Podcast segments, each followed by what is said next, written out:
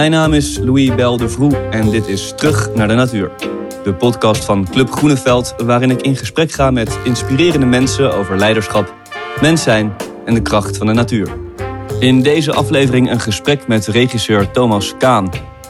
In 2005 werd zijn eerste film, Kosovo Amsterdam, geselecteerd voor de studentencompetitie van het Tribeca Filmfestival. Zijn documentaire Jongens zijn we uit 2009 werd onder andere genomineerd voor de Prix Jeunesse. Verder regisseerde hij verschillende afleveringen van VPRO Tegenlicht, waaronder De Aarde Draait Door over voormalig milieuactivist Paul Kingsnorth en In de Ban van het Bos over het zogenoemde Wood Wide Web. Op dit moment is Thomas bezig met een Netflix-serie over de spelende mens, beschouwd vanuit verschillende culturen. Helaas zorgen de aanhoudende wind en wat problemen met de microfoons voor wat ruis en echo in de opname. Desalniettemin hoop ik dat Thomas' verhaal voor iedereen nog goed te horen is. Tijdens onze wandeling door het winderige Limburgse landschap hebben we het onder meer over het verdriet van verloren plekken en het hervinden van onze plek op deze planeet. Over hoe je door anderen kan inzien dat iedereen hetzelfde is. Over de spelende mens en dat het ideale mensenleven misschien wel is dat je altijd blijft spelen. Maar vooral hebben we het over verhalen. Verhalen vertellen en hoe we allemaal in een verhaal leven. Over de zoektocht naar het verhaal dat wij als mensen willen vertellen. En over het vinden van het verhaal dat in onszelf zit.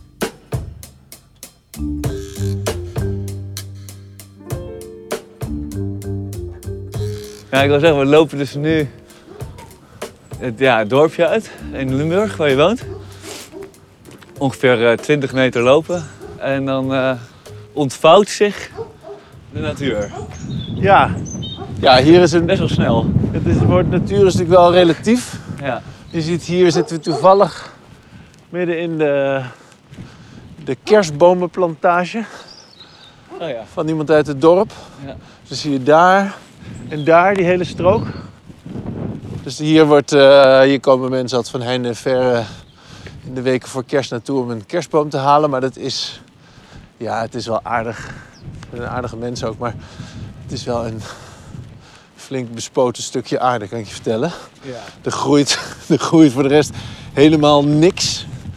En je ziet ook soms daar waar het water zeg maar, afgevoerd wordt, dat ook daar het, ook buiten het eh, kerstbomengebied er eh, weinig leven te bekennen is. Maar Maar even de positieve kant eraan. niet te negatief. Kijk, wat heel mooi is, is dat je hier de Luiperbeek ziet. Ja. Met al die wilgen. Dat is prachtig bijgehouden en dat is een heel mooi project. Ook van het Limburgs landschap. Om die, eh, die hier eh, beken en eh, hier is ook de gul en zo. Om dat hele, dat hele uiterwaardengebied eromheen ook weer echt heel, heel mooi te... Ja, gewoon de natuur daar echt toe te laten. En dat zeg maar, ouderwetse onderdeel van het Limburgse landschap gewoon in eh, ere te houden. Ja. Ja. In plaats van dat allemaal, wat natuurlijk tijdenlang is gebeurd, om dat allemaal efficiënt en recht en te verstoppen en zo. Ja. Je ziet bijvoorbeeld hier loopt die Luiperbeek loopt hier het dorp in. En dat liep daar vroeger onderaan het dorp. Kijk, ons huis staat helemaal bovenop. Maar er stonden helemaal geen huizen aan die beek. Want dat is natuurlijk hartstikke drastige grond. Maar dan zijn ze toen eh, ergens halverwege vor- vorige eeuw begonnen met een beetje zelf bouwen. Maar al die huizen zijn er ook allemaal verzakt. En een Ja. grote Ja. eh, nou ja, ellende qua wonen. Ja. Omdat eh, ja, ze gewoon niet naar de natuurwetten hebben geluisterd. Ja. Maar het is wel grappig. jij- Jij beschrijft het nu vanuit zeg maar, wat er is. Eh, en ik, ik, ik loop hier dus ook als, eh, als toch wel redelijk stadse jongen. Ik loop het dorp uit. Ja. En ik sta en ik kijk, ik, ik hoor veel wind en ik voel veel wind. Maar de wijsheid, en als je daar kijkt, dan zie je daar gewoon die zon zo door die wolken heen. Dus ik, maar, voor mij is het oef, wel even ademen en natuur. En jij ziet toch mono, veel monocultuur en, en eh, eh, zeg maar omschrijvend als ik je Ja. erover hoor. Ja, het probleem, ik moet natuurlijk altijd uitkijken dat je niet te negatief wordt. Want ik- toen ik hier voor het eerst kwam wonen, was ik natuurlijk, eh, toen we het hier voor het eerst gingen kijken, was ik natuurlijk ook helemaal gegrepen door dat, we, zoals jij het nu bes- beschreven, die wijsheid. En, en dat is nog steeds, is dat voor een deel wel waar, maar je gaat op een gegeven moment ook dingen zien die je niet meer kan ontzien, zeg maar. Ja. Dus dat, ja, gewoon dat Nederlandse landschap en tot dus diep in Zuid-Limburg is natuurlijk ook gewoon enorm aangetast door de, door de manier waarop de mensen het cultiveert. Met name natuurlijk boerenland. Ja. Kijk, hier, voor- je kan nu zo ver kijken eigenlijk, hè? En dat is natuurlijk heel mooi. Ja. Maar dat is niet per se de bedoeling in een heuvellandschap. Want het, dat, dat hoort eigenlijk te zijn onderbroken door, door stukjes, eh, hak, weet je, stukjes bos en, en mooie heggen. Ja. In plaats van dat daar voetbalvelden, grote eh, soort monoculturele situaties eh, Ja. zijn. Dat is natuurlijk helemaal. Dat, dat is, zeg maar, hier zat het vroeger ook vol met reeën en hazen. En als je die verhalen van al die mensen uit het dorp hoort die hier zijn opgegroeid, dan die, die zijn er het bewijs van. Het zat helemaal vol met. met eh, ja, het was gewoon heel biodivers. Ja. En dat is Dat tegenwoordig. Ja, mensen hebben nog wel van die rekken onder een auto tegen de. ehm eh, marten, Ja. Die, knabbelden altijd die eh, kabels door onder de auto. Ja. Maar ja, ik heb al, volgens mij is dat meer een soort traditie geworden. Want ik heb hier nog, nog geen eh, marter eh, Ja. gezien in de jaren dat ik hier eh, woonde. Ja. Maar, maar je bent hier wel terechtgekomen. Ja. En ehm, ik ben hier terechtgekomen ook. Je bent, ja, ook als ik nu naar je luister, je bent naar iets op zoek. Ja. waar, waar, waar, waar ben je naar op zoek? Of hoe ben je hier terechtgekomen? Of misschien zijn dat wel dezelfde vragen. Ehm, nou, je zoekt natuurlijk eigenlijk die ervaring die jij net beschreef. Maar die heb je dan even vast. Die had hem net vast. En het volgende moment ben, je, ben ik hem weer kwijt, zeg maar. En dan blijf je zo blijf je zoeken. En natuurlijk, die natuurervaring die is er ook nu zelfs in een, weet je wel, in een, in een deels groene woestijn, zoals we dat zo mooi noemen. Ja. Want kijk, daar staat weer een lekker wild bosje en daar gebeurt natuurlijk weer van alles. En daar die Heel Luiperbeek. bescheiden bosje moet ik zeggen. Heel bescheiden bosje. Maar ja, de meest bescheiden bosjes, daar kun je soms de, de mooiste vondsten doen, zeg maar. Ja. Toch? Want je hebt hier ook, weet ik veel, Staatsbosbeheer doet natuurlijk ook prachtige dingen daarachter. Maar ja, daar zijn dan ook alle toeristen hè, in, de, in het seizoen. Ja. Terwijl dit soort bosjes, daar gaat natuurlijk niemand eh, eh, nou, op vakantie. Maar daar kunnen wij natuurlijk gewoon altijd lekker even doorheen banjeren. Ja. En daar gebeurt, dat, die vogels snappen dat ook wel. Daar, daar wordt het lekker met rustig, rust gelaten. Maar in ieder geval, je zoekt, ik zoek iets, soort erv- natuurervaringen zoals ik die uit mijn, uit mijn jeugd nog herinner. Toen je daar geheel onbewust, zeg maar, te midden van al die, eh, ja, gewoon dat, dat mooie wat deze aarde te bieden heeft, dat je daar gewoon aan het spelen was. Langzaam maar zeker eruit gespeeld en naar de stad bewogen. En altijd soort gemis ervaren en zoveel mogelijk daar naar, naar terug. En dan eh, toen uiteindelijk dachten we, ja, het is ook gek als je alleen op vakantie, zeg maar, op vakantie gaat naar de plek waar je eigenlijk eh, het liefst eh, bent. Dus toen hebben we gewoon besloten om de stad achter ons te laten en gewoon meer naar buiten te bewegen. Ja. En leven ook voor onze kinderen meer te midden van gewoon de elementen, seizoenen, ja. En, ehm, niet-menselijke wereld. Ja, en, wat, en wat, dus je, je omschrijft het al een beetje. Maar wat vind je dan inderdaad? Ehm, Houdt hij dat vol eh, in, de- in de wind? Klopklapje. Ik hoop dat hij niet. eh Ja, Maar ja, ik weet voor niks naar Limburg. Anders dan- een wandeling gehad. precies. Dan hebben we wind opgenomen. Ja. Dat is ook mooi. Heel wat interessanter dan mijn gebabbel. Nee, maar dus, dus, dus, ehm, ehm, dus wat vind je dan? Want Je, hebt, je vertelde voor het eh, gesprek, vertelde je, eh, je hebt in, eh, in, de, eh, in de, wat was het, in de Pyreneeën of in de Alpen? De Oh, Pyreneeën. de ik Pyreneeën gewoond, gewoond. Ehm, opgegroeid deels in de, in, in de natuur eh, als kind en ook een stadskind. Ja, ja, veel verhuisd. en ehm, wat vind je als je in de natuur bent? Want je, je, je bent ook iemand die, daar gaan we het straks nog over hebben, of ga ik je meer over vragen, die ook iets zoekt voor de camera. Verhalen, of eh, wat het ook is. Ehm, dat zijn eigenlijk twee eh, verschillende werelden misschien wel. Ja. Kan het een zonder het ander? Of waarom is het allebei belangrijk? Of waarom leef je niet in de stad? De stad heeft natuurlijk heel veel te bieden voor ons eh, mensen. Hè? Voor onze carrières. Ook voor, ook voor persoonlijke levens. Voor vriendschappen. Om naar gelijkgestemden te vinden. Of in ieder geval, dat was voor mij zo. Weet je, ik groeide op op het platteland van Twente. Maar ik wist al heel vroeg dat ik, eh, zeg maar, voor mijn eh, bloedgroep, voor het soort mensen waar ik me toe aangetrokken voelde, dat ik daarvoor naar de stad moest bewegen. Dus ik kon niet wachten tot het moment daar was. En toen daar ook zeker dus dat gevonden. Gelijkgestemde avonturen, eh, kansen die je op het platteland eh, echt niet krijgt. Hè? Kansen om bijvoorbeeld eh, nou ja, gewoon, ga maar eens een film maken met die ideeën van je. Ja.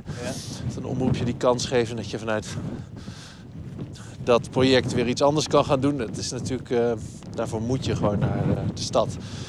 Maar uiteindelijk heeft de stad natuurlijk ook het gevaar dat je daar eh, nou ja, gewoon een beetje afgesloten van die natuurlijke wereld. Dat je zeg maar, gaat geloven dat alles wat in de stad gebeurt belangrijk is en dat alles wat er buiten gebeurt een beetje eh, ja, secundair of marginaal is of zo. Dat, heb ik, natuurlijk, ik heb altijd geweten dat dat natuurlijk ook niet zo is. Ik bedoel, ik ben opgegroeid op het platteland. Er waren ook mensen die niet die roep naar de stad voelden en die hartstikke gelukkig zijn gebleven. En, eh, en misschien in sommige opzichten zelfs heel wat stabieler, eh, gelukkiger leven hebben geleid of zo Ja. in de tussentijd. Niet om dat te veel te romantiseren, maar in ieder geval, het is natuurlijk niet zo zwart-wit. En ehm, dus vanuit dat besef ben ik het toen ook wel gewoon naar buiten bewogen. Eerst dus echt met mijn gezinnetje ver. Dus naar diepe, eh, diepe Zuid-Frankrijk, de Pyreneeën in, om te kijken hoe het is om echt zo een beetje off the grid te zitten. Een klein Frans dorpje, vlak bij de Spaanse grens. Ja, dat was heel tof, maar uiteindelijk was ik ook weer stads genoeg om daar dan een soort van ingewikkelde forense situatie van te maken. Want ik was ondertussen natuurlijk nog wel films aan het maken. En dat was ook weer voor het hele gezinsleven niet, niet gezond. Ehm, dus toen zijn we eigenlijk weer teruggegaan naar Nederland met het idee van... oké, dan gaan we via Amsterdam, gaan we dan gewoon in Nederland echt buiten wonen. En dan is alles in Nederland dichtbij. Dus hebben we gezocht van Texel tot Zuid-Limburg... waar mijn vrouw eh, is eh, grootgebracht. En toen kwamen we hier, eh, hier terecht, in een oude vakwerkboerderij. En vonden we natuurlijk niet wat we zochten. Nee. oh, maar laten we even door dat bosje gaan. Dat Ja, leuk. want inmiddels zijn we, waar we het net over, waar we het net over hadden, dat, zoals ik het noemde, bescheiden bosjes. Daar lopen we nu langzaam tussen de... Is wel dichtbij toch heel wat minder bescheiden, hè? Toch? Enorm. ik voel me in heel nietig. Ja, precies. Dat is de kracht van natuur die hier vaart. Nee, het is echt een heel leuk bosje van niks. Maar dat is ook zo dat... Moet je er doorheen lopen? ik, weet niet... Ken je dat? lopen? Ja, dat Oh, is zeker. kan. Ja. Oh, ja. Of je dat... ehm, het is een heel mooi boek dat ik net heb gelezen. Wilding heet dat. Daar heb je vast wel van gehoord. Ja, heb ik van gehoord. Ja, Isabella Tree heeft het geschreven. Die samen met haar man eh, een eh, landgoed erft eigenlijk van zijn familie. En dat, ja, dat is in de jaren negentig dat ze dat doen. En, nou, een hele soort economisch deplorabele staat. Want daar moeten ze gewoon allemaal moderne technieken en dingen tegenaan gooien... om een beetje te kunnen boeren. Maar uiteindelijk is het gewoon elke keer verlies maken. En dan besluiten ze om daar de boel om het roer om te gooien. En dan eigenlijk heel erg geïnspireerd ook door, door de, eh, de wildernis eh, gedachtes van eh, bijvoorbeeld de Oostvaardersplassen, Oostvaardersplassen hè, van de, eh, hoe heet die ecoloog, bekende ecoloog ook alweer. Ehm, ik kom op zijn naam. maar in ieder geval Dus heel erg geïnspireerd door die Oostvaardersplassen wildernisgedachten gaan ze dan dat hele landgoed laten verwilderen. Maar het is een prachtig project, wat dus ook heel veel wildlife en biodiversiteit uiteindelijk tot gevolg heeft.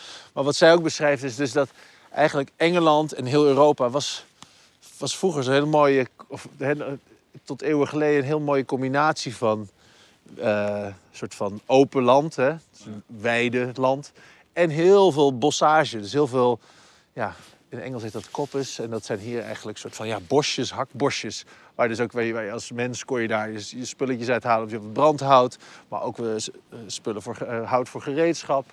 En dat was een heel mooi... En dat, en dat was natuurlijk een prachtige beschutting voor al dat eh, andere leven, dat boerenland. En dat was dus eigenlijk een prachtige combinatie... waar je dus als mens en natuur heel mooi zo samen kon leven. Ja.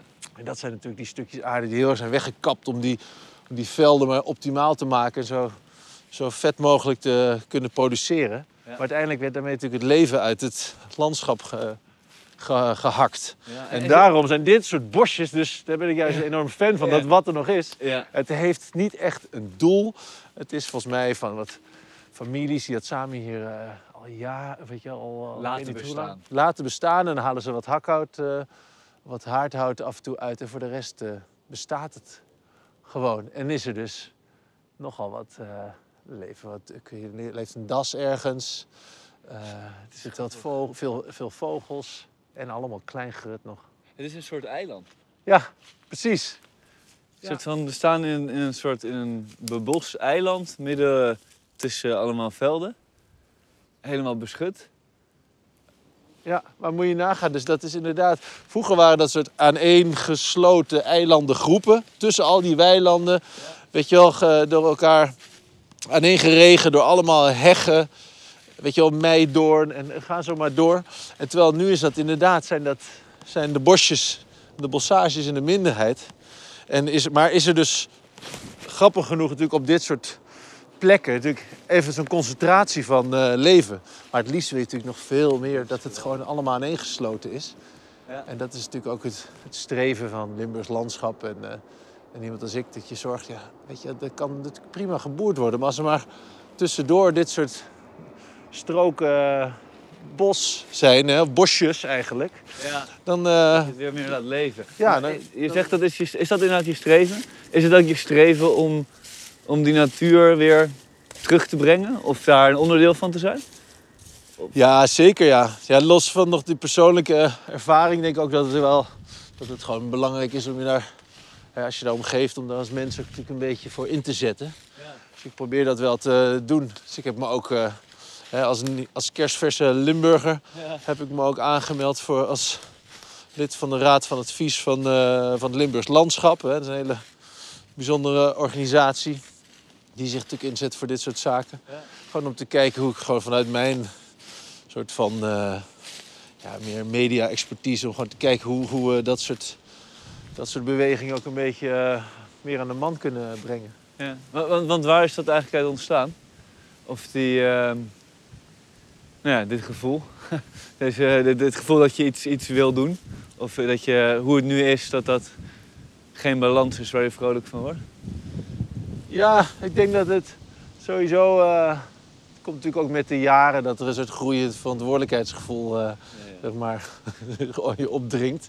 Dus dat, zeg maar, de, het idee dat je toch ergens corvée moet gaan doen als mens, hè? dat dat, dat, dat misschien. ruimen en schoon te maken. Ja, precies. Dat het misschien nu toch gekomen is. En ook in plaats van alleen maar daarover te jammeren. Want dat is natuurlijk ook altijd het gevaar. Hè? Dat je hier bijvoorbeeld, zoals ik bijna net al begon... toen we hier aan deze wandeling eh, begonnen buiten het dorp... dat je meteen gaat zitten mopperen over wat er allemaal niet goed is... en over wat de boeren toch anders zouden moeten doen. Of Ja. dat je daar in plaats daarvan ook gewoon alternatieven bedenkt. En eigenlijk gewoon ook vanuit een soort positieve ervaring. Ja. Dus ook door er gewoon te zijn en, en te zorgen dat mensen daar zelf ja, gewoon ook die ervaring misschien beter Ja. begrijpen. Dat je daar dan gewoon eigenlijk dat verhaal probeert te veranderen. En dat, dat mensen dat ook eh, samen met je hopelijk gaan inzien. In plaats van dat je daar een soort van ja, jezelf ingraaft tegenover de Farmers Defence Force. Want dat, dat ga ik toch verliezen. Hun trekkers zijn heel wat groter dan mijn eh Renaultje 4. Zeker als import-Limburger. Zeker als Dat is wel, import-Limburger. Ja, nee, zeker. Ja. Dus het is heel belangrijk dat dat ook een positief verhaal is. En dat is ik had het de vorige dag ook, was met mijn vrouw aan het wandelen... en dan heb je natuurlijk nu nu die bizar vroege lente. En dan als, je die uit, als ik niet uitkijk, kan ik daar heel ongelukkig van worden. Weet je? Dus dat je dan denkt, oh shit, oh kijk eens, dat bloempje is al open. Oh, die arme fruitbomen, en nu al. Ja. Oh, het gaat geen fruit worden als het doorgaat. Het allemaal verschrikkelijk. En, maar toen hadden we het erover dat eigenlijk, dat is zo'n stomme menselijke reactie ook weer. In plaats van dat je gewoon geniet van dat wonder wat zich daar weer op de zoveelste keer aan je openbaart. Maar wordt dat weer dan zo'n menselijk ach en wee verhaal. Ja. Waarin dan wij ook nog natuurlijk centraal staan als, en als schuld van, het, he- van die hele situatie. Maar ook eigenlijk op een rare manier heel pervers. Ook als dan, als dan misschien de, als de oplossing of zo. Weet je, want dan, als wij dan maar genoeg klagen of weet ik veel. eh, wat we dan negatief zijn, dat, dan, dat we dan oplossingen verzinnen zodat de natuur dan gered wordt. Terwijl dat is natuurlijk zo'n zo'n menscentristische Ja. reactie. Toch? Maar het zit wel heel duidelijk ook in je. Ik bedoel, het is er allebei. Dus Ja. ehm, de, ik bedoel, dat is misschien, en dat, ik hoor dat steeds meer. Ik bedoel, veel mensen die willen een soort van heel optimistisch en positief zijn. En je voelt in hun po- positivisme of in, in hun optimisme, voel, voel je de hopeloosheid. Dat, is- dat is nou niet het, zeg maar, van, ik, denk, ik weet niet of dat nou de, de- het verhaal wordt. waar we naartoe moeten. Maar misschien, het- jij als regisseur, hè, dat ben je ook niet voor niets geworden, denk ik.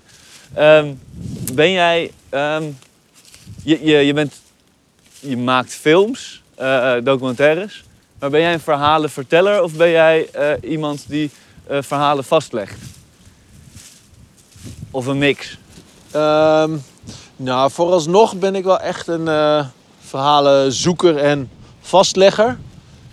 En, en een soort van, ja, om een, gebrek aan een Nederlands woord, een soort framer van verhalen. Want eh, ja, ik, ja, dus ik ben wel echt op zoek naar andermans. Of mensen die dat beter kunnen verwoorden. Of wiens leven zeg maar, meer staan in het, in het teken van het verhaal. Dat ik ook wil vertellen. Dat, dat wel. Ja. Dus het is, er, zit een linkje, zeg maar. Jij, jij, Ja, dus jij pakt iets vast Ja. wat, wat een deel van jou is. Ja, zeker. Ja. Nee, dat, dat, is, dat is zeker zo. Maar ik, ik ben natuurlijk... Ja, ik sta achter de camera. Ja. En, niet, en heel bewust niet voor de camera. Omdat ik eh, me daar niet prettig voel. Maar ook omdat ik weet dat daar helemaal niet mee... Dat ik niet, op, dat ik niet die verhalenverteller ben. Weet je wel? Dus dat... eh, ik, ik laat dat veel liever eh, andere mensen doen. Dus als ik fictie maak, dan zijn dat natuur, natuurlijk acteurs. En als ik eh, documentaire maak, zijn dat echte mensen. Maar dan natuurlijk wel binnen een door mij geframeerde werkelijkheid. Want ik bepaal natuurlijk waar we de camera wel op richten en niet. En welk deel overblijft in de montage en welk deel niet. Dus ik ben gewoon eigenlijk een manipulator. Ja, dus een verhalenverteller wat dat betreft. Vanuit, vanuit, maar je laat andere mensen misschien het woord doen. Ja. En, Maar het is zeg maar, als het bijvoorbeeld gaat over het verhaal wat, wat we, wat we, waar we het net over hadden, het verhaal Ja. over de plek van de mensen in de natuurlijke wereld. Ja, daar kan ik het een en ander over zeggen en daar heb ik het een en ander over gelezen. Maar de mensen die dat hebben geschreven, wat ik over heb gelezen, die zijn natuurlijk veel, die, die hebben daar een leven aan gewijd. En die leven het ook. Hè. Zoals dat ik een aflevering heb gemaakt over Paul Kingsnorth, voormalig eh, milieuactivist. Die uiteindelijk soort, eh, ja, gewoon zijn hele leven eh, 180 graden heeft omgedraaid. De rug heeft toegekeerd naar die milieubeweging. En heeft teruggetrokken op een huisje op platteland in Ierland. Nou, dat was natuurlijk een heel inspirerend verhaal, vond ik. Heb ik heel, en, en, heel goed onderbouwd, eh, jarenlang aan geschreven soort van oeuvre. En ja, dan wil ik hem natuurlijk ontmoeten om hem dat verhaal aan mij te laten vertellen. En dan, ja, ik ben regisseur, dus ik wil dan ook dat andere mensen dat, dan dat verslag van dat gesprek kunnen volgen, zeg maar. Maar ja, dan, dat is de manier waarop ik dan zeg maar dat verhaal najaag. Door, Ja. door wel echt naar de bron te gaan. Ja. Het zou, het zou niet in me opkomen om mezelf voor de camera te zetten en dat, dat verhaal dan na, na te vertellen, snap je? Dus eh, Maar in die, in die verhalen die je laat vertellen, is dit ook jouw verhaal. Ja. Is dat voor jou een eenduidig verhaal of zie je daar ook een ontwikkeling in? Van, is het duidelijk voor jou dat ik, ik ooit eh, Margaret Atwood volgens mij, die volgens mij ook, kwam die niet voorbij ook in een van jouw documentaires, weet ik niet. Maar een schrijfster die op een gegeven moment zegt, ehm, die zei van op een gegeven moment na je dertigste wordt het eigenlijk veel fijner en interessanter het leven, want dan kan je terugkijken en kan je het plot zien ontwikkelen. ja, Dus dan zie je welk, in welk plot je leeft. ja. En dat is natuurlijk ook niks anders dan het verhaal waarin je leeft. Ja. Zie, zie jij voor jezelf wel- welk verhaal jij vertelt? Of anderen laat vertellen? Ja, dat begint wel duidelijker te worden of zo. Maar het grappige is dat, wat me vooral duidelijk wordt, is dat je inderdaad daar, hè, als je het geluk hebt, zoals ik, dat je dat, je dat die biografie natuurlijk kan aanpassen. Dat je die natuurlijk kan herschrijven en dat je kan, die koers kan bepalen voor de komende tijd. Dus eh, weet je, dat is net als dat ik vertel, weet je, ik ben opgegroeid in Twente op het platteland en, eh, en nu keer ik daar naar terug of zo. Ja. Nou ja, bedoel, je kan natuurlijk ook een heel, dat, dat vertel ik binnen deze context, omdat dat het verhaal is dat ik belangrijk vind. Dus daar leef ik naar. Ja.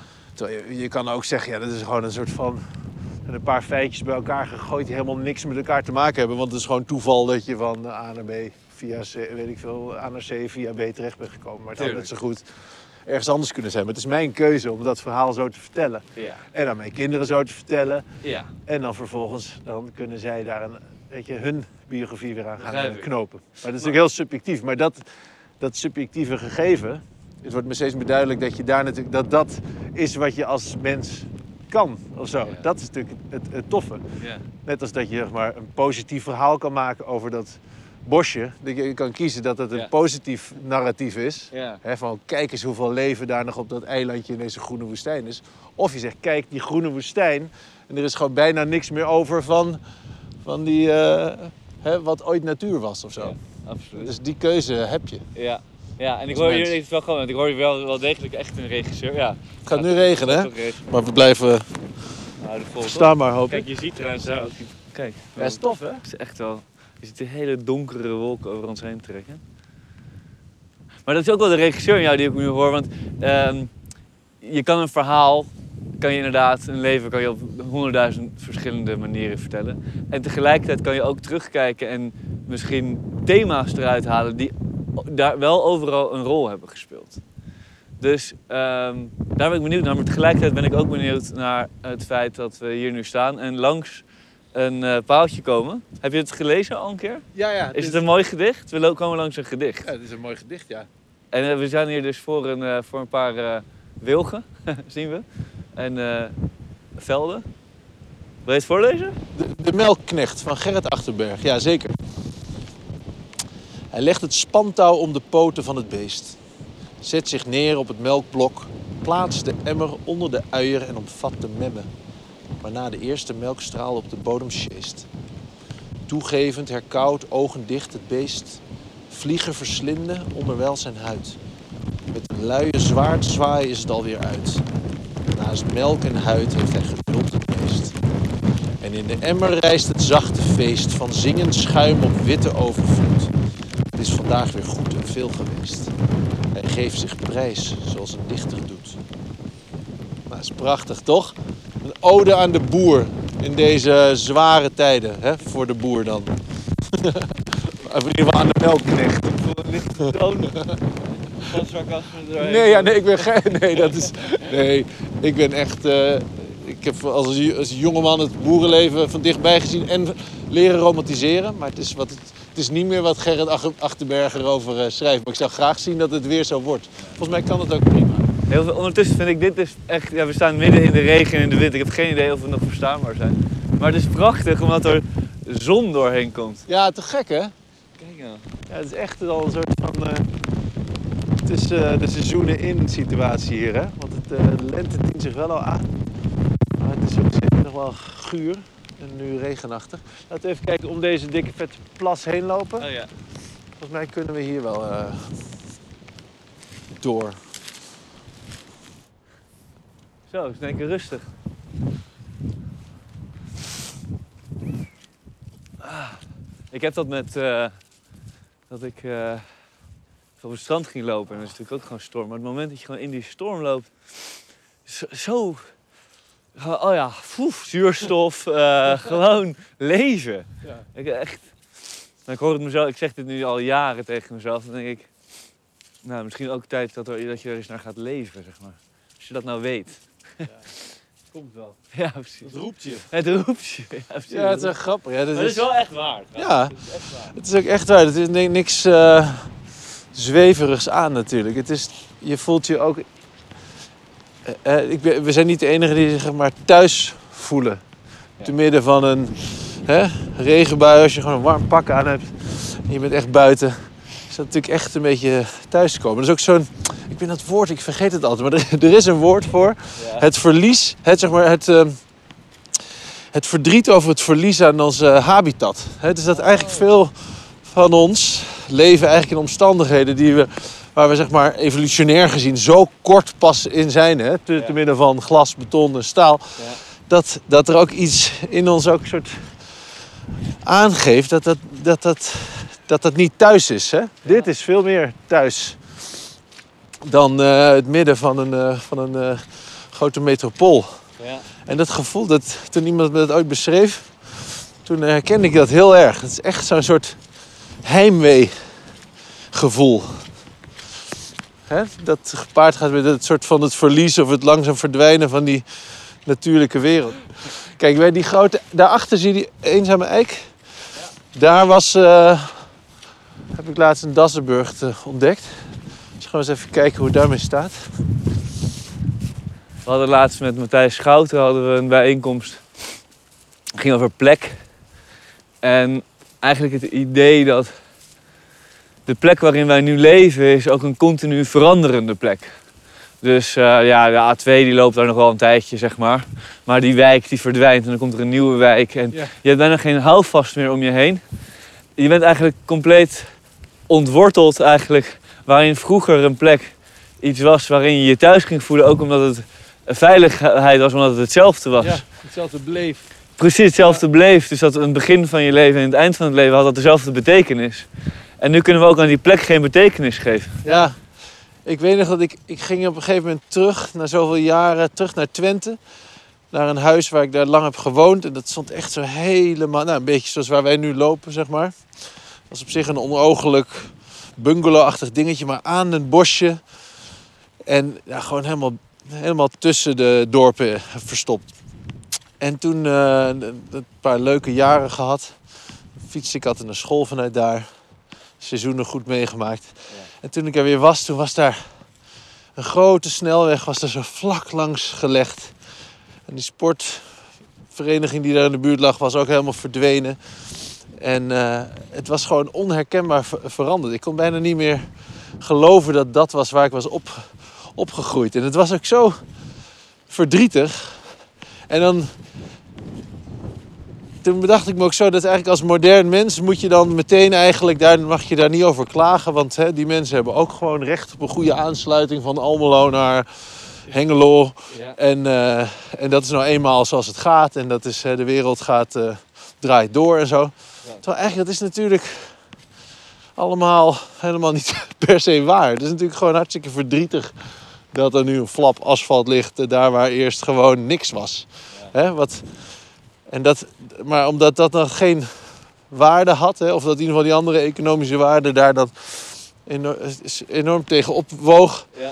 is dat gewoon niet meer. Terwijl dat stukje aarde had ook ja, recht erop om gewoon te blijven zoals het was. Of in ieder geval zelf te veranderen zoals het uit zichzelf zou veranderen. Dat, Ja, ik vind het wel mooi wat je zegt. verdrietig.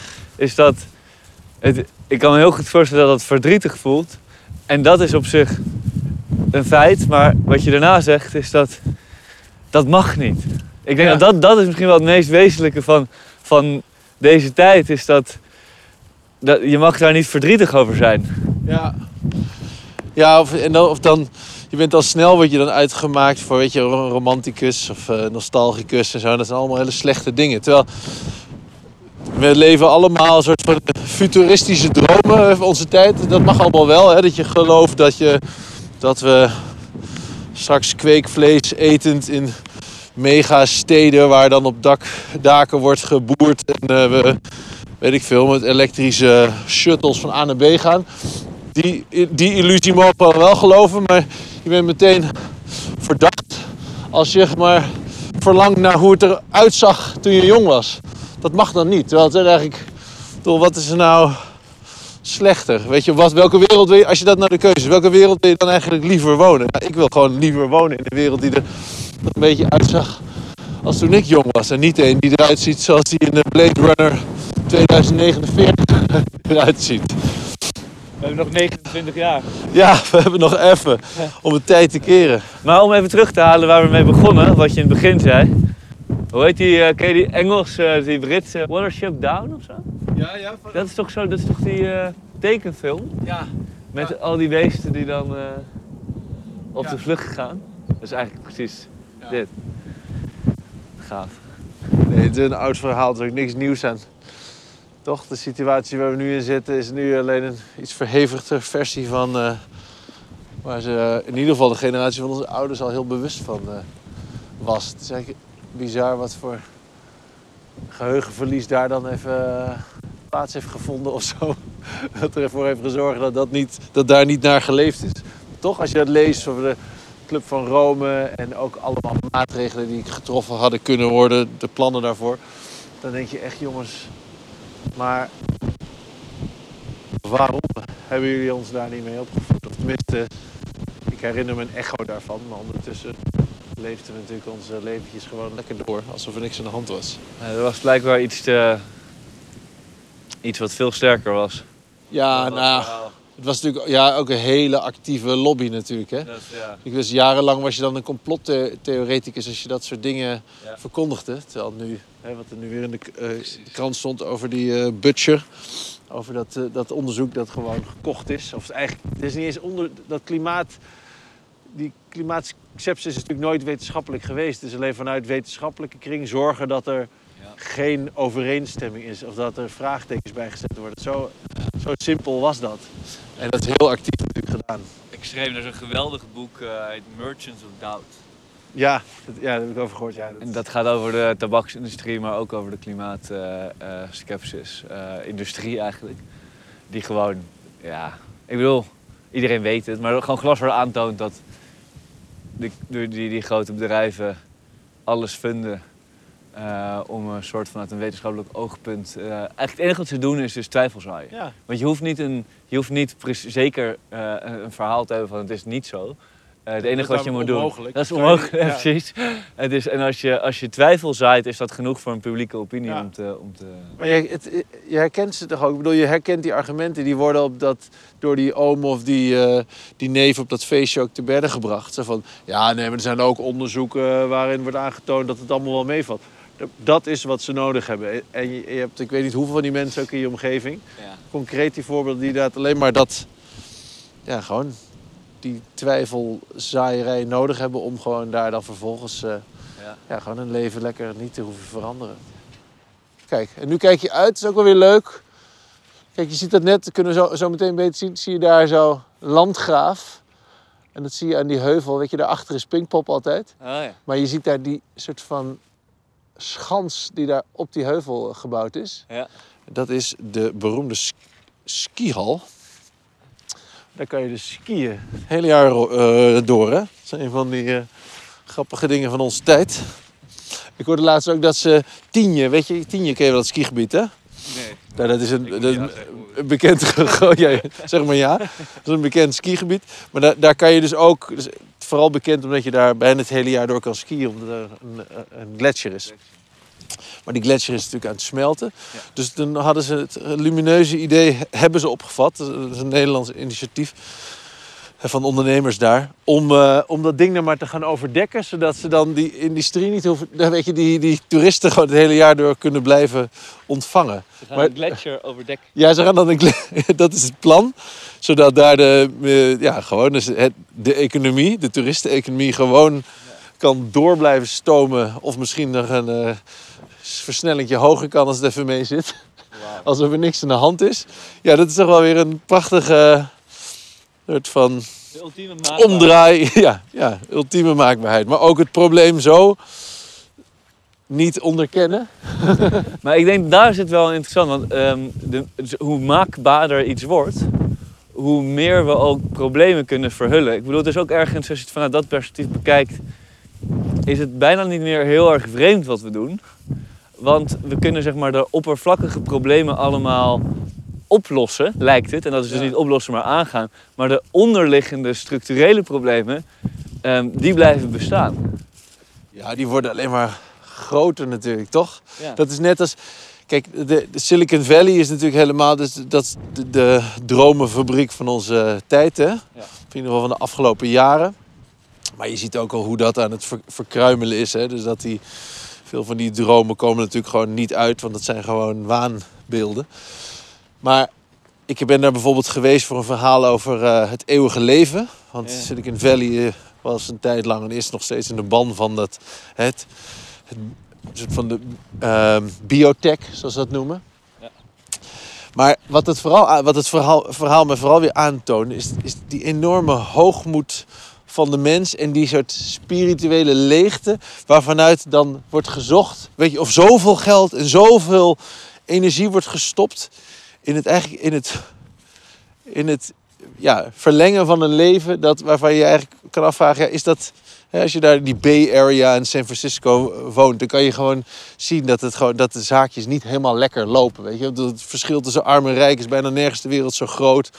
Het is, weet je, de, de crackjunks die liggen daar op de stoep. Terwijl daarnaast rijdt dan een soort van miljardair in zijn eh, Prius voorbij. In ieder geval, er zijn, de problemen zijn wat groter dan, dan die toch wel eh, welvarende leven van die Priusrijders te, te verlengen. En toch gaan ze daar dan alles op alles zetten om, om, dat, Ja. om die code te, te kraken. Om dus eigenlijk God daarin te, te passeren. en dat je denkt, dat is, dat is, het is zo fascinerend hè. Dat je denkt, ja, die, dat geeft juist zo aan hoe, hoe groot dat gat is of zo. Ja, ja ik, één ding wat me opvalt, zo grappig dat jij een miljardair en een Prius voorbij ziet komen. Zeg maar, ik wist niet dat de Prius de, de, de car of choice nog steeds was. Ja, nee, de nieuwste Tesla. Dat leek in één keer de meest, de meest eh, de, de goede eh, miljardair. Maar, ehm, Nee, maar ze zijn allemaal super politiek correct. ja, precies. Ja, dat is waar. Eh, Maar, maar wat je inderdaad vertelt is, en dat is bijna een soort bijbelse profetieën of bijbelse proporties, is eh, gewoon, het, eigenlijk karikaturaal is het, Ja. dat de mens is nu inderdaad God aan het voorbijstreven in zijn zoektocht naar onsterfelijkheid. En ehm, was het niet in Eden dat, er waren twee bomen, dacht ik. En de een is de boom van kennis van goed en kwaad. En nou, die hebben we, daar, daar hebben we van geproefd en geweten. Ehm, en toen was de andere boom volgens mij de, de, de boom van het eeuwige leven. Ehm, als ik het goed heb. En dat lijkt de volgende boom die we aan willen gaan. En je, je tart dus, om God even in een soort metaforisch perspectief te zetten, je tart aan, aan de diepste wetten waar we allemaal onderdeel van zijn. En daaraan wil je je onttrekken. Ja. Ehm, en het is het extreem opgeblazen ego. E- Eigenlijk, wat je zegt, e- e- een mens dat niet wil sterven, daar moet je medelijden mee hebben. Ja, ja, zeker. Dat heb ik wel, ja.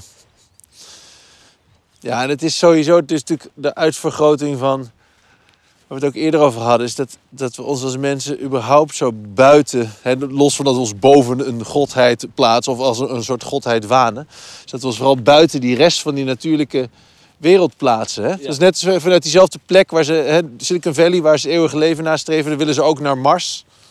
Hè? Elon Musk en de zijnen. Ja. Die willen dan naar Mars, om, hè, om, omdat het dan hier niet lekker gaat. Dan daar even een soort nieuwe kolonies eh, stichten. Wat he- waar helemaal voorbij wordt gegaan is dat, dat vooralsnog dit de enige planeet is waarvan wij kennis hebben in ieder geval. Waar wij als mensen kunnen leven. En ook helemaal niet alleen, maar dus bij de gratie van heel veel ander leven. Hè, en onze kleine plekje daarin kunnen, Ja. kunnen opnemen. Hoe kan je het überhaupt in je botte hoofd halen dat je op een of andere rode, dorre planeet daar dan zo, dat we dan in één keer zo knap blijken te zijn, alsnog, dat we daar dan eh, onszelf in leven kunnen houden. Helemaal op onszelf. Terwijl we, we, we hier op deze aarde dat helemaal niet alleen kunnen. Ja, precies. Nou, dat vind ik nog, het, het, het is het meest blinde van het hele idee, is dat je het probleem meeneemt naar Mars. Ja, ja, precies. Want dat zijn wij. Ja. ja, maar vooral en dat je achterlaat dat je gewoon alles waardoor je leeft, waardoor we zo hebben kunnen evalueren, dat je dat dan achter je laat. In plaats van dat je, je de situatie hier gaat herzien.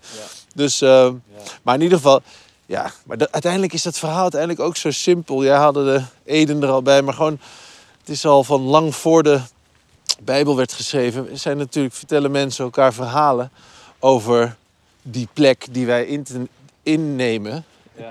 te, midden of te, het, eh, eh, als onderdeel van die natuurlijke wereld. Hè? En van die nog veel, ja, gewoon dat, dat magische grotere verhaal, dat, dat web van het leven. En elke keer blijkbaar eh, is, zingt de mens, of moet, moeten we daar weer op andere manieren aan herinnerd worden, Ja. dat dat echt zo is. Het is ook geen nieuwe kennis. Nee. Het is gewoon eh, oude kennis. Maar dan blijkbaar zijn we weer op een moment in de geschiedenis aangekomen dat we ons eh, dat we dan denken, ja, maar nu is het anders. Nu zijn we weer zo slim geworden, nu zijn we zo ver geëvalueerd dat we gewoon eigenlijk God kunnen spelen. Hè? De varkens worden daar eh, eh, gemaakt, de, de boerderij. En eh, Elon Musk is daar bezig met de ruimtemissie. Dus op het moment dat het hier misgaat, dan, Ja. dan proberen we het ergens anders weer of zo. Maar, maar het mooie wat je ook zegt, of wat ik daarin hoor, is dat... Wat ik interessant vind, is als iets extreem wordt... Dus in, in Silicon Valley neemt het de extreme proporties aan. Je Elon Musk neemt extreme proporties aan. Maar dat is extreme proporties wat in ons allemaal zit. Dus Ja. het, het, het toont ook wat in jou en ook in mij zit. Dus ik, voor, Ja. voor- ik kan het ook zien soms en ik weet niet of jij dat ook zo ervaart. Ook als jij veel naar andere mensen en hun verhaal laat vertellen. Maar dat ben jij ook. Dat Ja. zit ook in jou. Dus het, het vraagt ook voor een, een... Niet een zoektocht. En dat gebeurt dan denk ik bij heel veel mensen. Een zoektocht naar buiten, maar een zoektocht naar binnen. Van als dat nou in ons zit, hoe kunnen we onszelf genezen? Of hoe kunnen we onszelf helen? Van, van, nou ja, van die zoektocht of van dat God willen spelen. Is dat de vraag? Hoe we ons van kunnen helen? Weet ik niet. nee, het uiteindelijk, maar, uiteindelijk ook Maar meer als je het misschien herkent. Ja. Dus zie je ook dat... eh, want ik denk namelijk dat, dat het... Voor mij is dat het een spiegel. Dat ik denk, ja, dat zit ook in mij. Ja, Ehm, en, daar, en, en misschien is mijn vraag meer van... Dan gaat het veel meer over, ehm, over die zoektocht veel meer naar binnen. ja. ja, zeker. Wie ben ik dan daarbinnen? Ben Ja. ik dan zo... Nou ja, verheven daarboven? Wil ik, misschien wil ik eigenlijk ook wel onsterfelijk zijn. Ja. Ik, kan wel zeggen dat ik het niet wil zijn. Ik- maar daar moet je wel misschien een stap voor zetten. Ja. Ja, het is gewoon. ehm, Ja, dus je hebt allemaal van die oude deugden. Weet je wel, die waarvan we het bestaan nog weten. Dat hebben we ook ooit nog wel ergens gehoord. Weet je wel, dingen als bescheidenheid of weet je wel. En, eh, en eh, je plek kennen ten opzichte van een groter geheel. Dat zijn natuurlijk allemaal dingen die eh, nog steeds hartstikke waar zijn. Nee, we- voor een deel zijn wij ook opgegroeid met het idee dat we dan dat wij toch misschien wat meer zijn of zo. Als mens, maar ook als individuen. Dat wordt ons natuurlijk ook aangesmeerd. Hè? Dat we echt heel bijzonder zijn. En dat zijn we ook, vind ik nog steeds. Maar het betekent niet dat we bijzonderder zijn dan eh, anderen. En dan niet eens alleen maar mensen, maar ook dan al die andere, dat andere leven dat ons eh, omringt. En ik denk dat dat, dat is gewoon weer... Uiteindelijk gaat het allemaal over verhalen vertellen, weet je wel? Ik, ik, ik, mijn beroep is dan verhalenverteller of verhalenherverteller. Maar eigenlijk leven we allemaal natuurlijk het in het verhaal. Weet je, het verhaal wat de, de Volkskrant je voorschotelt. Of het verhaal wat CNN je voorschotelt. Of wat Thierry Baudet je voorschotelt. Of wat Marianne Thieme je voorschotelt. Uiteindelijk zijn het allemaal verhalen. En gaat het erom zo van, oké, welk verhaal willen wij als, als groep mensen... Dat we, dat we eh, vertellen, waar je naar kan eh, Ja. leven of zo. Is dat inderdaad het verhaal van Elon Musk? Waar ik snap dat mensen in willen geloven. Want dat biedt natuurlijk ook hoop. Hè? Dat er leven is op Mars. Het is een hoopvol narratief. Het is alleen niet, niet heel erg onderbouwd. En het gaat ook voorbij aan, het, aan de soort van de, de verwoesting die er dan aan vooraf is gegaan of zo. Weet je wel? Ja. Het, het kan beter gaan over. Het verhaal gaat beter over hoe we onze plek hervinden op deze planeet. Dan dat wij weer doorgaan met koloniseren. Dat is een van de, in mij, als je het mij vraagt, een van de wortels van onze problemen van nu is, is natuurlijk dat we gewoon rukzichtloos deze planeet zijn overgeraasd. Ja. Als eh, vooral Euro Europeanen. Hè? De Europese witte man had er nog een handje van. En daar is gewoon heel veel vanuit balans geraakt, om het maar neutraal uit te drukken. En dat verhaal zouden we wel eens mogen herzien. Dus, dus dan gaat het over... Ja, wel mooi term. Dus dan gaat het over de plaats hervinden van de mens. Ja, Van onszelf op deze Ja. plek. hervinden ook. Het is- er niks opnieuw uit te vinden. Nee. Want het is allemaal al. Het, kijk, alle, de meeste indigenous eh, culturen, waar er nog een overlevering eh, heeft plaatsgevonden naar ons, die, die, die vertelden die verhalen natuurlijk. Over de plek van de mens in het midden van de natuur. Ik heb zo'n film gemaakt over de, hè, de bossen in eh, Noord-Amerika en eh, hoe die kap. de de- Wood Wide Web. hoe die kap is, tegelijk is opgetrokken met die kolonisatie. Maar het betekent niet. En, en je hebt nu al die situatie van die bosbranden aan, die, eh, aan de westkust. Het is ook niet dat. dat, dat eh, eh, dat Native Americans bijvoorbeeld geen bosbranden hadden of zo. Of dat ze. Die hadden een hele actieve relatie met, met die natuurlijke wereld. En die hadden ook dat hout nodig. Die maakten ook hun vuurtjes en, en hun kano's. En, maar die hadden daar gewoon een, een soort wederkerige relatie in. In plaats van één die er alleen maar uitgaat dat je gewoon kan blijven pakken. Ja. Terwijl, Ja. ja, dat, dat verhaal dat kunnen wij elkaar dus ook blijven vertellen. Want dat, dat is gewoon een natuurwet. Als je gewoon een bos blijft kappen en je wacht niet tot het aangegroeid is, ja, dan, dan is het weg. Daar hoef je ook geen, eh, Einstein voor te zijn. En, en dat verhaal is, eh, is al heel oud. Dus dat we dat elkaar, dat elkaar vertellen. Dat je gewoon ge- neemt wat genoeg is en niet meer. En dat je zorgt dat je teruggeeft daar waar je eh, meer hebt genomen. Ja. Ja, en dan, en dan ben ik wel even toch benieuwd. Ik stelde die vraag eerder in een zeer winderige omgeving. Gerrit Achterberg die onderbrak ons ruw. Ehm, hoe ben jij tot dit verhaal gekomen? Want ik ben toch benieuwd. Je zei van ja, je kan 12.000 dingen zeggen. Of eh, je kan 12.000 manieren één verhaal vertellen. Maar zie jij die thematiek bij jou, is die ontstaan? ehm, zie je die ook in jouw films ontstaan of in de onderwerpen die je kiest?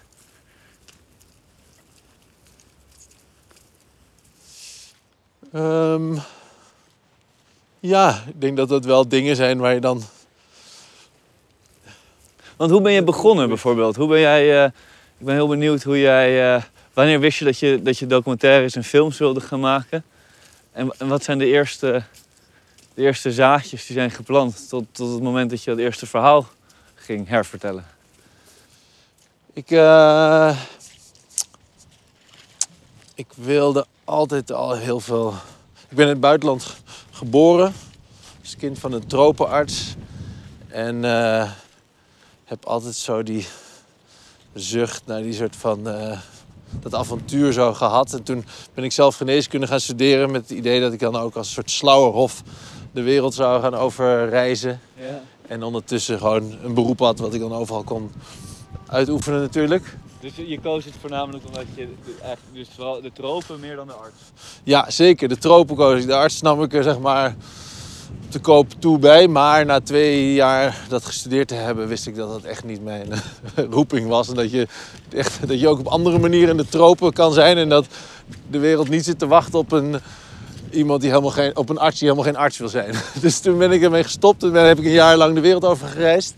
En toen ben ik geschiedenis gaan studeren. En daarbij, toen ik dat daarom begon, wist ik meteen dat dat, zeg maar, dat ik iets had gevonden, zeg maar, wa- wat ik zocht. Of in ieder geval een plek waarbinnen je gewoon eindeloos kan verliezen in je eigen interesses. Of je duikt diep de middeleeuwen in, of nog dieper de oudheid. Of zoals in mijn geval bleef ik iets meer in de moderne tijd hangen. En dat gaf mij een excuus om ook gewoon heel veel te reizen en mensen te leren kennen die ik eh, graag eh, wou spreken. En toen eigenlijk van het een kwam het ander, toen zeg maar een beetje een soort, vanuit een soort journalistieke interesse werden dat documentaires. En toen, eh, weet je, toen ben ik gaan, gaan, kwam er een camera bij en toen uiteindelijk werd dat gewoon mijn beroep. Maar omdat het eigenlijk was zoals mijn studie eh, geschiedenis, eigenlijk een, manier om gewoon eigenlijk mijn interesses na, na te jagen. En te zorgen dat waar ik eh, graag wilde zijn en dat de, de verhalen die ik graag wilde horen of vertellen, dat dat ook mijn werk was. Dus dat is, eh, Ja. zo is het een beetje eigenlijk ontstaan. En dan vervolgens is dus die soort van de soort films die ik maakte, is dat, ja, dat zegt zoveel over de tijd, over die, over die zoektocht, weet je.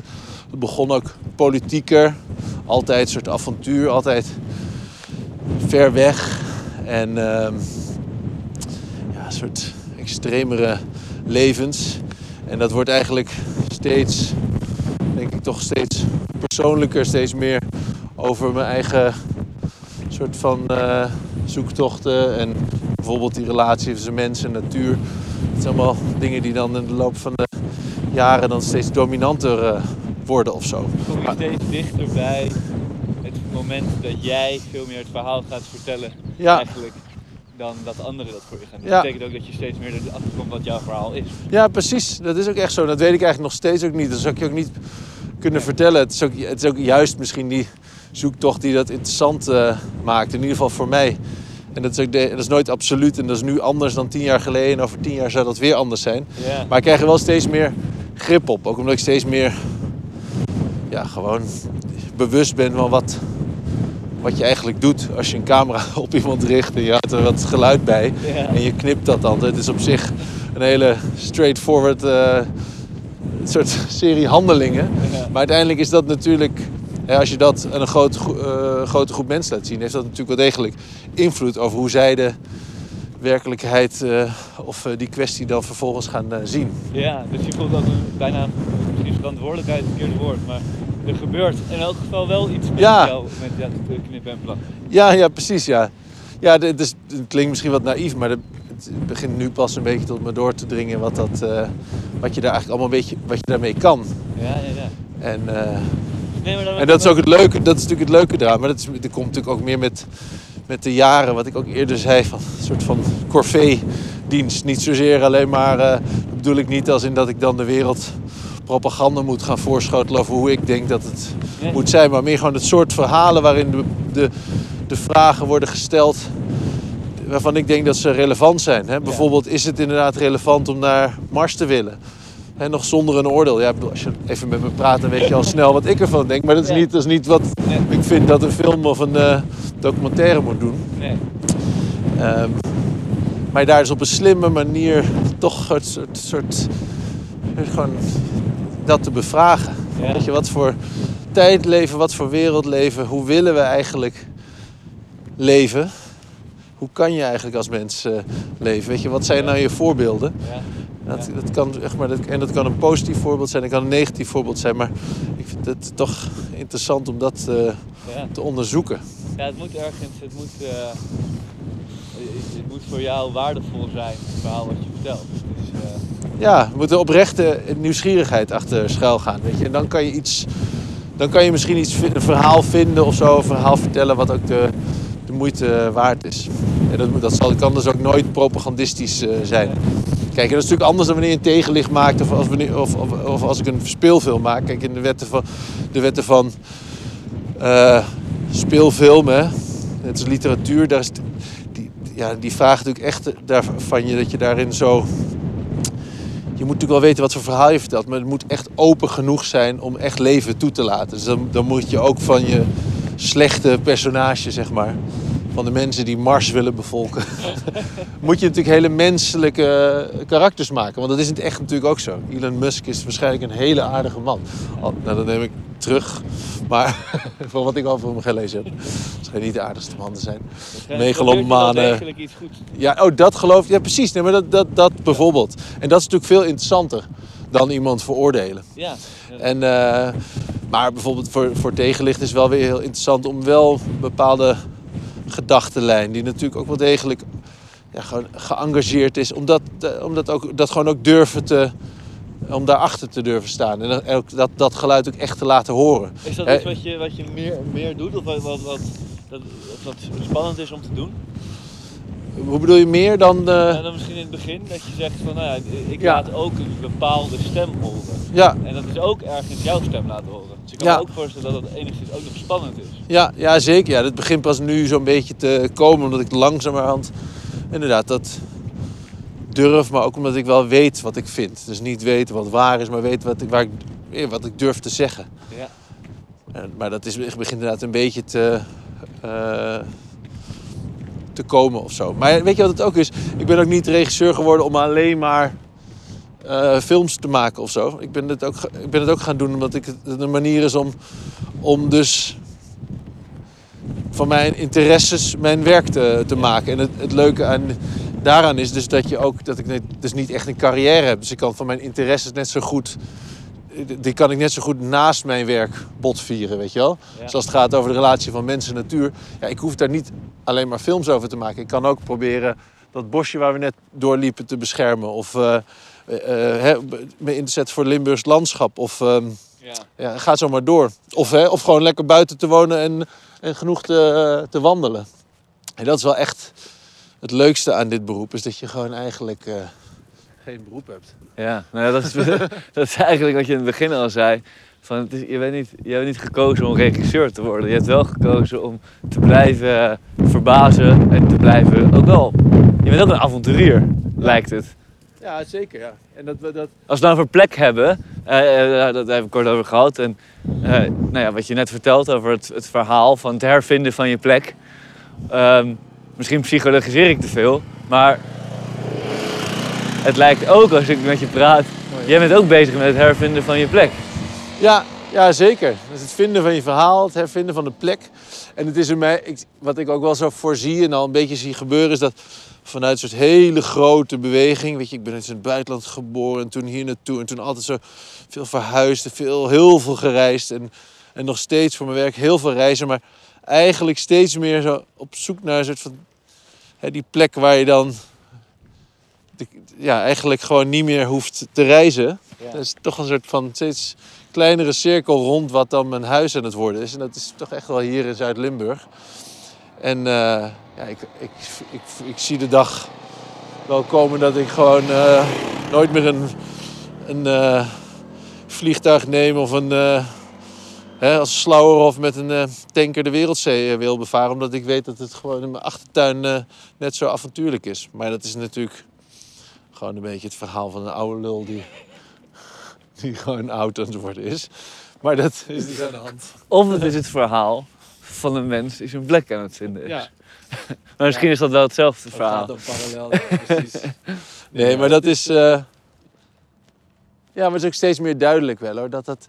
Je hoeft ook echt niet ver weg te gaan om dat verhaal te, te halen of zo, weet je wel. Het is gewoon... eh, het verhaal zit uiteindelijk ook in onszelf. Dat is net als... Ik moet in één keer denken, we hadden het net over bijvoorbeeld... eh, over in, eh, indigenous, eh, of over stammen bijvoorbeeld. Hè. Dat is ook vanuit een soort van spiritualiteit. Toen wij opgroeiden werd dat ook altijd zo gezocht, zo in de ander. Hè? Of in, dat, in de verloren volkeren. Of het nou Native Americans waren of Afrikaanse stammen of waar dan ook. Nou, ik heb ook veel gereisd, ook veel gefilmd op dat soort plekken. Het is ook altijd zo omgeven door een bepaald soort romantiek. Dat, hè, dat die ander, hè, de, de, die nobele wilde, dat dan iets zou, een soort kennis zou hebben die wij dan verloren zouden eh, eh, zijn inmiddels. Hè? Dat er een soort evolutionaire schaal bestaat waar wij dan ook aan voorbij, weet je, daaraan voorbij zijn geëvolueerd. Aan die, bijvoorbeeld die kennis dat we als mens onderdeel uitmaken van een groter geheel van het web of, web of life. Dus als, je dat, als ik er nu over nadenk, is dat natuurlijk een hele misplaatste gedachte. Voor allebei die kanten van het verhaal. Zowel voor die mensen, Ja. hè, door te doen alsof zij lager in de evolutionaire ladder zouden staan of zo. Maar nog veel belangrijker, hè, als het gaat over ons, ons persoonlijk. Want dat zou dus ons uitsluiten van een soort, soort, eh, de soort kennis waar we het tijd over hebben. En een soort besef dat je dus gewoon eh, dus het onderdeel bent van een veel groter eh, geheel. Dat er een soort van veel eh, groter verhaal is waar je onderdeel van uitmaakt. En dat, waar, dat wij daar niet meer op eh, aangesloten zouden zijn. zo. Dat is toch eeuwig zonde? Een soort, soort oerkennis die onderdeel is van het mens zijn. Ja. En alsof wij dat ons hebben zelf afgesloten of afgesneden van die kennis. Ja, Die- precies. Maar ook daarbij ons ook afsluiten van, al, van die mensen met wie je dus eigenlijk gewoon dit moment op deze aarde deelt. Hè? Of ze nou in een boomhut in de Amazone wonen, of in een hut in Afrika, of in een flatje in Amsterdam-Noord. Dit, we zijn natuurlijk allemaal nu alive op deze planeet. Ja. En dan kan je dus. eh, eh, En, en we zijn allemaal onderdeel van dezelfde familie. Weet je, we schelen genetisch bijna helemaal niks van elkaar. Dus waarom zou je dan die verhalen, hè, die, die narratieven, helemaal scheiden als een soort van verschillende compartimenten? In plaats van je ziet dat het één grote soort van oersoep is, waar we allemaal uit kunnen putten en onze cultuur mee kunnen herdefiniëren. Hè, of of Wij teruggaan. zitten allemaal in dat verhaal. We delen allemaal in het verhaal. En dat is. eh, en daarom kan je ook net zo goed dus thuis blijven in Zuid-Limburg als. Hè, eh, weet ik veel, op een ayahuasca-ceremonie-kamp in eh, de Amazone gaan of zo. Ik bedoel, het is, het is in die zin ook eh, helemaal niet nodig om ergens anders naartoe te gaan om iets van eh, authenticiteit te ervaren of zo, als het daarover gaat. Want dat Ja. zit natuurlijk gewoon in, je, Ja. in jezelf en in de overtuiging dat, dat wij gewoon de cultuur maken die wij willen maken. Maar dit, deze kennis die je nu vertelt, die kan je wel ehm, toekomen door in contact te komen met anderen. Ja. Ehm, dus ik kan me wel voorstellen dat de verstedelijkte westerse mens, die heeft een verhaal, om dat, dat woord toch maar te gebruiken, dat die inderdaad afgesloten is. Nou ja, we weten allemaal dat het verhaal waarin je gelooft is het verhaal waarin je leeft. Ja. En dat is ook waar. En, en, maar jij bent iemand die in zijn leven op zoek is gegaan. Wat dat dan ook mocht betekenen. Maar je bent ook allemaal mensen en verhalen, andere verhalen tegengekomen. Ja. Weet jij nog mensen, weet jij nog de verhalen die je vertelde net over, eh, over Afrika, maar ik weet er van Paul Kingsnor, maar dat is, dat is korter geleden.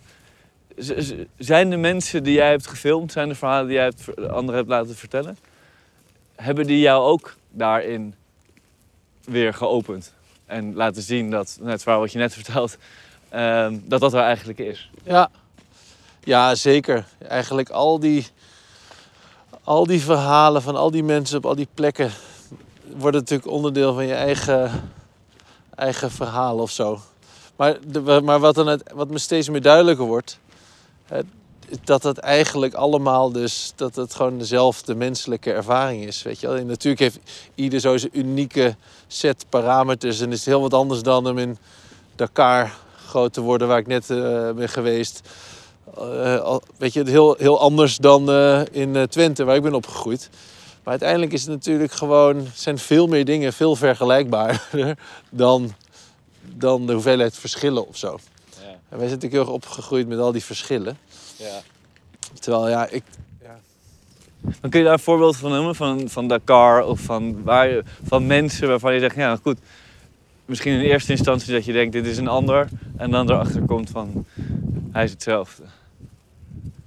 Als het gaat gewoon over die eh, een soort vermeerde bijbelsheid van verhalen. We hadden het eerder over, weet je, over het, het leren kennen van. eh, kijk, je, je kan natuurlijk pas be- bescheidenheid leren als mens hè, of als cultuur.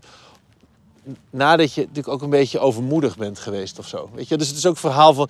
Wat ik als, als jonge man en, en nog niet lang geleden was ik natuurlijk ook hartstikke overmoedig. Praat ik toch niet zo bedeesd eh, als nu. En dat ik zei dat je kan, eh, weet je, je dorp in Limburg is genoeg. Je hoeft niet aan de andere kant van de wereld. Toen zei ik het tegenovergestelde, weet je wel. Een dorp in Limburg is gewoon de dood. En je moet gewoon in een vliegtuig eh, naar ver weg Gistan zitten. Ja. Maar in ieder geval, dat, daar heb ik natuurlijk ook mijn, ja, gewoon mijn bekomst van gehad. Heel veel van geleerd. Maar de belangrijkste lessen die ik heb geleerd zijn ook die, die waarin, je, waarin je natuurlijk tegen je eigen grenzen aanloopt. Waarin het natuurlijk ook achterkomt, waar ik erachter kwam dat hè, alleen maar weg zijn of alleen maar met andermans verhalen bezig zijn, dat het uiteindelijk jezelf natuurlijk ook lostrekt van, van dus die, die mogelijke plek waar je thuis kan zijn. Hè? Van de mensen van wie je, je houdt of, of van de, de, de, de verhalen die je zelf moet vertellen of zo. Ja. Dus dat, dat soort, dat is maar gewoon een voorbeeld van, Ja. van hè, Ja. hoe, hoe mijn leven verloopt. Maar dat zijn natuurlijk, dat is bijvoorbeeld, die, ik heb net een jongen in Dakar gefilmd, is nog een, jonge worstelaar die daar probeert vanuit het niets zeg maar, zich op te worstelen, letterlijk hè, als sporter, eh, tot, tot de top. En dan zie ik gewoon in hem zie ik natuurlijk heel veel verschillen met hoe hij is opgegroeid. Maar ik zie ook gewoon een jonge gast die gewoon het leven helemaal voor zich heeft. En, en eh, waarschijnlijk gewoon eh, hopelijk het gaat halen. Maar vooral ook heel veel nog op zijn bek gaat gaan. En, en, en nu op een moment is dat hij denkt dat hij eh, ja, God is. Maar hij, hij gaat het natuurlijk pas echt zijn op het moment dat hij, eh, dat hij weet dat hij geen God is. Weet je wel? En dan, dan zie ik dat en dan is dat gewoon, eh, ja, vind ik dat een spannend. Zie ik dat dus als oudere man zie ik dat nu inmiddels zo aan. Dan denk ik, ja, wat, wat ja, vind ik dat ja, heel tof om te zien. Weet je, maar dat is het verhaal wat ik dan zie. Ik zie dan niet zo, ja, nee, jemig, wat is die... Wat, eh, wat een armoedige omstandigheden hier in eh, Dakar of zo. Nou, ik zie vooral heel veel eh, parallellen tussen zijn leven en dat, en dat voor mij. Dan kun je hier nog een paar, want dit vind ik wel intrigerend. Dus ik heb gisteren je documentaire of je film gezien, Wij zijn 18. Hoe keek je naar die jongens? Over, dus heb je een, paar jongens van 18 bij elkaar in een huis gezet. Die heb je volgens mij een week daar laten zijn. Ja. Eh, ik weet niet hoe manipulatief je bezig bent geweest, maar in elk geval. eh, hoe, kijk jij, hoe keek jij... Wanneer heb je die film gemaakt? Eh, boah, dat is al wel weer bijna tien jaar geleden of zo. Iets minder, denk ik. Ja, ja dat ging dan over... Nou, eigenlijk gewoon heel soort momentopname. Hè? Wat het is om 18 te zijn of 18 te worden. En dan jongens met heel verschillende soort achtergronden. Maar zonder...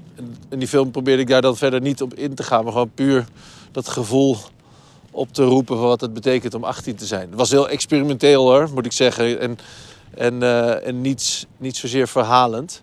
Maar wat ik daar probeerde was dat gevoel zo terug te halen mijn eigen gevoel eigenlijk ook terug te halen wat het nou betekende om zo, ja, gewoon Ja. begin van je volwassen leven te staan, jezelf al heel wat te voelen en ondertussen natuurlijk hartstikke bang te zijn van wat er allemaal eh, boven je hoofd eh, hangt.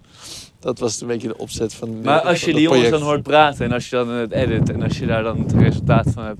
Hoe kijk je dan? Want je vertelt nu heel specifiek hoe je naar die worstelaar kijkt. Ja, Daar zit heel duidelijk in van oké, ik zie dit in het perspectief van wie ik nu ben en wie ik toen was. ja. Keek je ook zo naar, naar de jongens? ja, zeker. Ja. ja, nee, dat is, wel, dat is ook wel het meest. Maar het voorbeeld van de film waar ik ook echt zo probeerde, zo door, door andermans eh, mond, soort van mijn woorden te vinden of Ja, ja. zoiets. Voor iets wat ik zocht. Maar nogmaals, het was wel echt een experiment. Ik heb het ook zelf al lang niet meer gezien. Maar eh, ja, nee, uiteindelijk is het, is het natuurlijk gewoon is het een manier voor mij, dat filmen, om gewoon ja, een soort grip te krijgen op, eh, of een soort betekenis te geven aan, eh, aan, aan, eh, aan, wat, ja, gewoon aan mijn leven. En kijk, ik, ik, ik maak bijvoorbeeld bijna nooit vakantiefoto's of ik houd geen dagboek bij, maar ik film gewoon heel veel, op heel veel plekken. En uiteindelijk is dat mijn manier om een soort van een beetje vast te leggen wat, wat, wat er volgens mij op dit moment de moeite waard is of zo. Ja. En, en je vertelde dat je... Is er trouwens een film waar, die, waar je denkt van... Oh, die zou ik ook niet meer terug willen zien? Of heb je een film gemaakt die je dacht... Ah, dat dat, dat dat niet gelijk ging aan wie je bent? Of, eh, Nee. ze hebben allemaal hun... Het, allemaal, het is net als met je kinderen of zo. Weet je wel, je houdt ook van die schelen.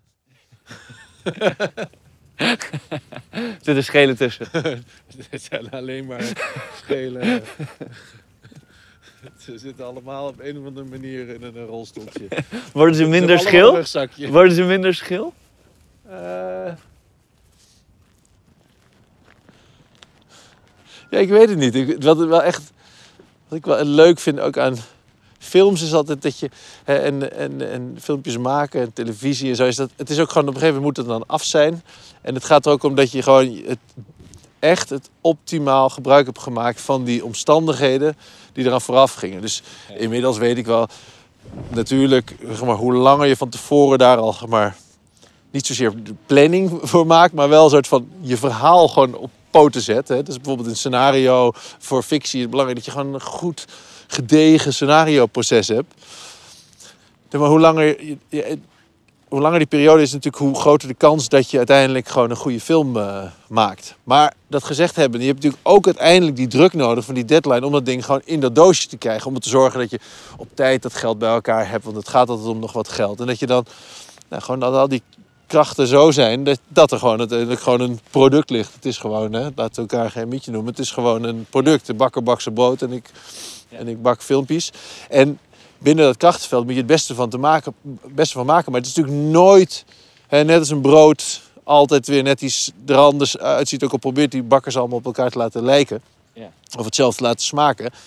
Het is natuurlijk niet de bedoeling dat het allemaal precies zo is zoals je het dan voor je ziet. Het, is, het zit hem juist ook heel erg in die imperfecties. Dus je vraag van die schelen, worden ze minder schil? Ik denk het niet. Ze worden hopelijk wat meer eh, gedegen. En hopelijk weten ze beter een publiek te bereiken. Dat is wel een van mijn doelen. Dus dat je gewoon met wat je wil vertellen, dat je ook zorgt dat dat, hè, dat, dat niet ergens een soort van stille dood sterft. Dat is natuurlijk ook wel de tragiek van veel eh, films en veel verhalen. Ja. Maar uiteindelijk is die, dat, die schilheid ervan... is ook waardoor die natuurlijk uit, zich kan onderscheiden van, van die andere films. Dus ik, ik, ik ben juist zorg er steeds meer voor dat ze schil genoeg zijn. dat is mijn antwoord. Schil genoeg zonder dat ze zeg maar tegen, eh, eh, tegen een boom aan, aanlopen. Dat ze wel nog een beetje kunnen zien.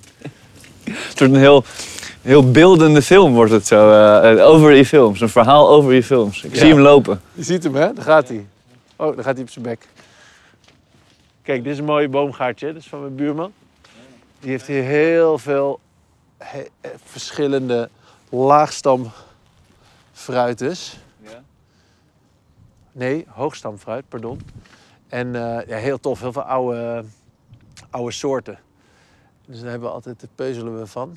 Oh, In het najaar is echt eh, te gek. Ja, ook van die, eh, weet je, van die hele soort van zure appels die heel lang goed blijven. Die zijn al lang uit de schappen van de supermarkt weg uitgefilterd, zeg maar. Zijn te specifiek en, eh, en onhandig en zo. Past niet in het plaatje. Past niet in het plaatje. Maar dat is heel leuk. Dus hier het is altijd smullen hier. Sowieso hier hoor. In het dorp, iedereen heeft nog wel... Onze overbuurman heeft heel veel groenten. Ze eten we ook met z'n allen eh, alle van mee. En we zijn nu weer bij jou thuis. Ik heb nog twee vragen aan je. Oh. Wat mij nog intrigeerde is wat je zei bij je laatste... Bij de, bij de worstelaar.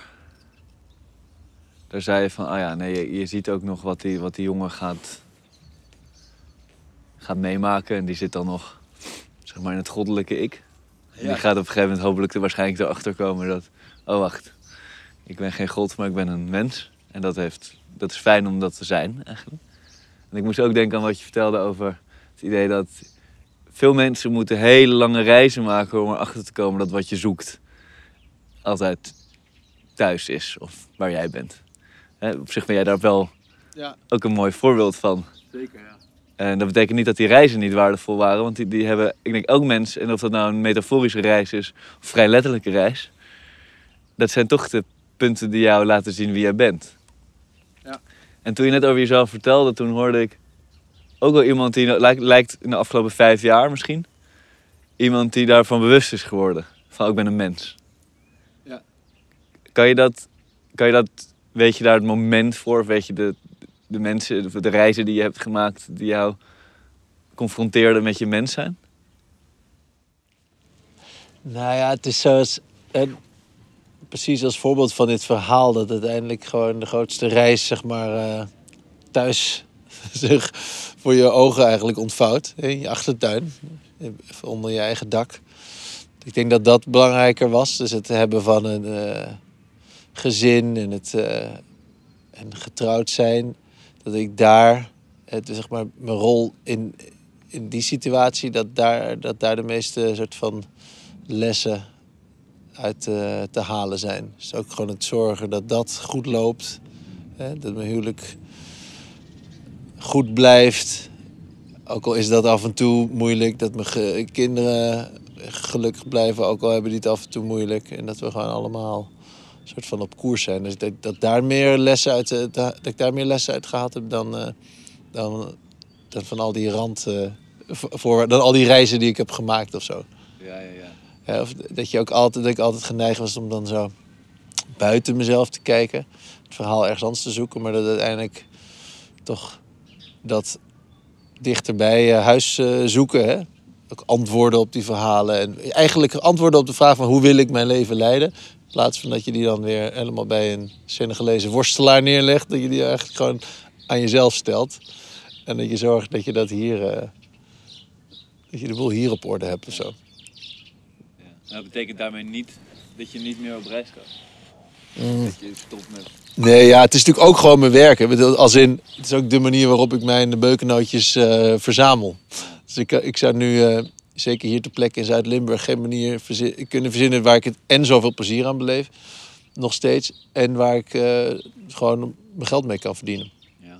Dus dat is ook gewoon, eh, ja, de bakker bakt zijn brood en ik bak mijn filmpjes. Het klinkt dan zo heel weinig verheven, maar dat is het uiteindelijk natuurlijk ook. Hè. Dat is ook wel een van de aandoeningen van... Ja, dat is het ook, ja. Maar dat is een van de aandoeningen van mijn beroepsgroep... is wel eens dat er heel verheven over wordt eh, gedaan of zo. hè. Alsof het anders is. Of weet je, alsof... Als, weet je, als ik dan mijn werk moet doen, dat er dan wel even... Dat dan, eh, ja, dat is, dan moet iedereen maar begrip voor hebben dat ik aan een tijd weg ben. Terwijl uiteindelijk is het natuurlijk... Ik bedoel, het is, het is anders dan met de bakker. Maar ja, de bakker heeft het ongemak dat hij om vier uur 's ochtends eh, moet opstaan of zo. Weet je wel, we hebben allemaal wel iets uitzonderlijks. Maar het is uiteindelijk gewoon een, eh, een, een beroep waarmee je een bepaalde functie in de maatschappij uitoefent of zo. Ja. In het beste geval. En, welke... Ben je nu bezig met nog net die film? Is dat nog... eh, Eigenlijk mijn vraag is, welke beukennootjes zitten er tussen lente in de grond op het moment? En ik eigenlijk over twee beukennootjes. Ik ben wel benieuwd naar wat is nu datgene wat er gebeurt. Dus En welk beukennootje zou zeg maar het droom beukennootje zijn? Nou, de grote beukennoot die in de grond zit, is een grote serie die ik nu aan het eh, regisseren ben voor, eh, eh, voor Netflix. Dat gaat over de spelende mens. Het is eigenlijk sport en spel over heel de wereld. Daar, bijvoorbeeld een Senegalese worstelaar zit daarin, maar ook een, stel jongens uit Madagaskar die op een soort st- stieren vechtsport doen, maar ook de Formule E in Mexico en ook de paardenrace in Mongolië. En echt maar een enorm uiteenlopende eh, gro- eh, hoeveelheid locaties en personages die eigenlijk allemaal maar draaien rond die ene vraag van waarom speelt de mens? En dan spel en die, die playgrounds als soort de essentie van onze cultuur. Van wat daar manifesteert is eigenlijk zegt zoveel over de tijd waarin we leven. Dus het is ook heel thematisch ingedeeld. Dus zeg maar een, een onderwerp, een, een aflevering over perfectie, maar ook een over pijn en ook een over sport als de grootste business op aarde. Dus dat heel uiteenlopend, heel antropologisch, historisch en heel erg eh, ja, eigenlijk ook emancipatoire. Want het gaat over al die mensen overal ter wereld die proberen te laten zien wie zij zijn. En eh, dat is, eh, met Netflix, eh, is, het, is het ook van jou? Zit, hoe- zit jij hier ook in? Ehm, ja, ik ben dan, ik zit dan, eh, ik ben dan zeg maar de showrunner en de, en de regisseur van de meeste portretten. Ja. En dan uiteindelijk doen dus ook, het zijn zoveel plekken, dus dat, dat ik stuur zeg maar ook een team aan van mensen die ook eh, dingen draaien. Oké, maar en ik bedoel ook van, van is er een, zit er een onderdeel van jou in, zeg maar, als in een soort van, zit er ook iets van wat jij eruit wil halen? Oh ja, Is het zeker. Het Ja, verhaal of het. eh, Ja, nou, het, is, het idee is van een fotograaf, zeg maar. Die, die is, er komt ook een fotoboek. Maar ik ben dan degene die, ehm, die eigenlijk het helemaal heeft geformateerd. Die dus heeft gezorgd dat er een documentaire serie is. En, en dan bouw ik ook die serie op samen met een redactie van... oké, eh, ik wil dat onderzoeken of dat. Dus dat heb ik eigenlijk voor een groot deel wel ja, zelf zo eh, opgezet. Er zit heel veel van mezelf in. Maar het is wel echt een teamwerk. en het is ook echt wel een heel duidelijke opdracht om, te- om, weet je, om te zorgen dat het zo groot mogelijk publiek. Ja. Hè, dat potentieel is dat publiek gigantisch, maar dat moet natuurlijk ook eens worden bereikt. En dat moet dan aan het beeldbuisje gekluisterd blijven. Dat snap je ook. Skip intro. Ja, precies. Skip, skip intro. Play next episode. Ja. Ja. Maar het is wel, het is het, de term die ik daarbij associeer, dat is vrij letterlijk, maar dat is eh, homo ludens. Ja, nee, precies. Dus dat is de, zeg maar, de intellectuele achtergrond waar geen kijker mee gaat worden lastiggevallen. Oh, is eh, Johan Huizinga's eh Homo Ludens.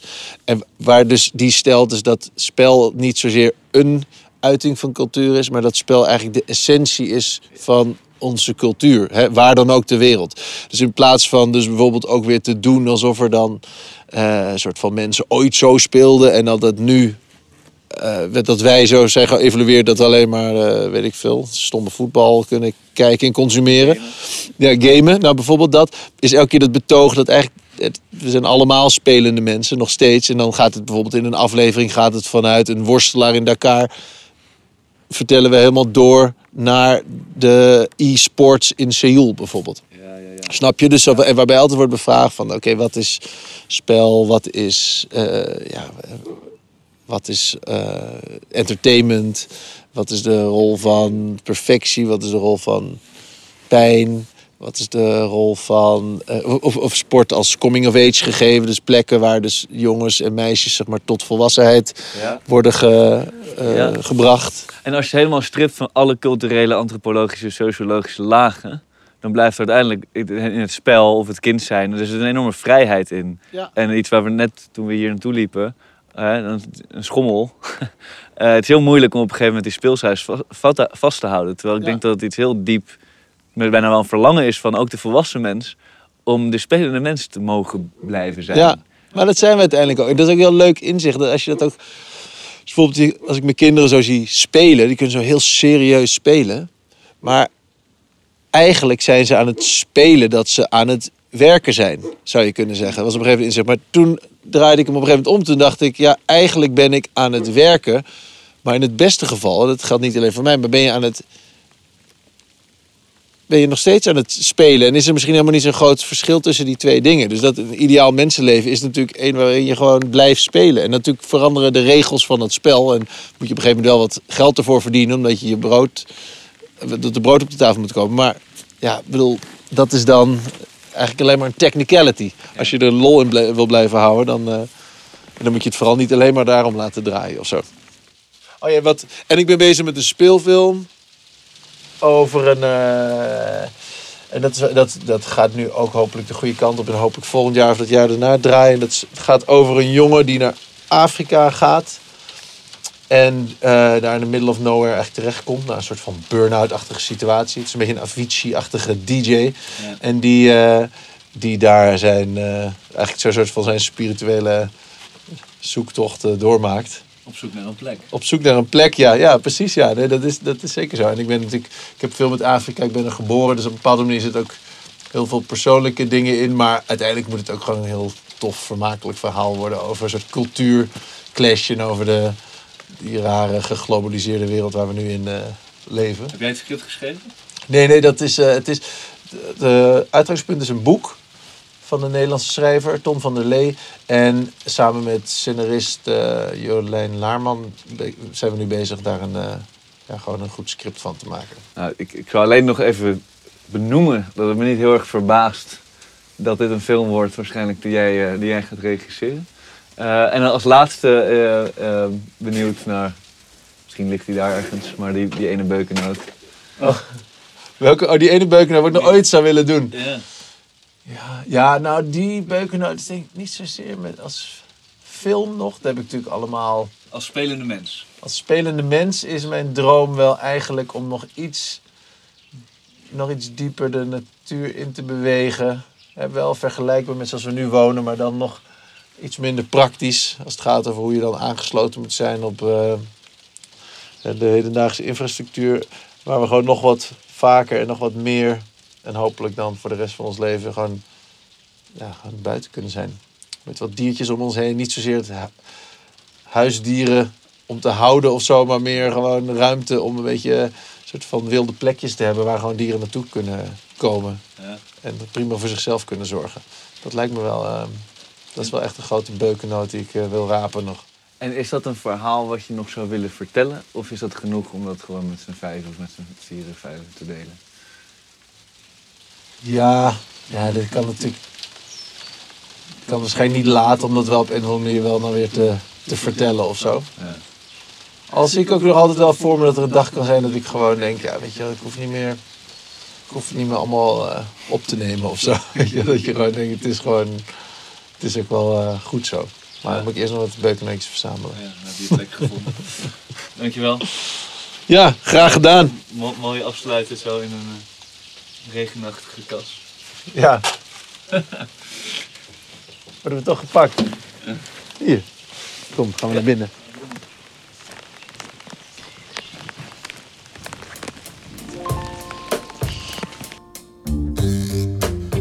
Je luisterde naar Terug naar de Natuur, de podcast van Club Groeneveld.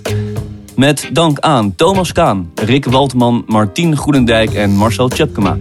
Wil je meer weten? Ga naar www.clubgroeneveld.nl, ook als je wilt deelnemen aan onze programma's en collegereeksen.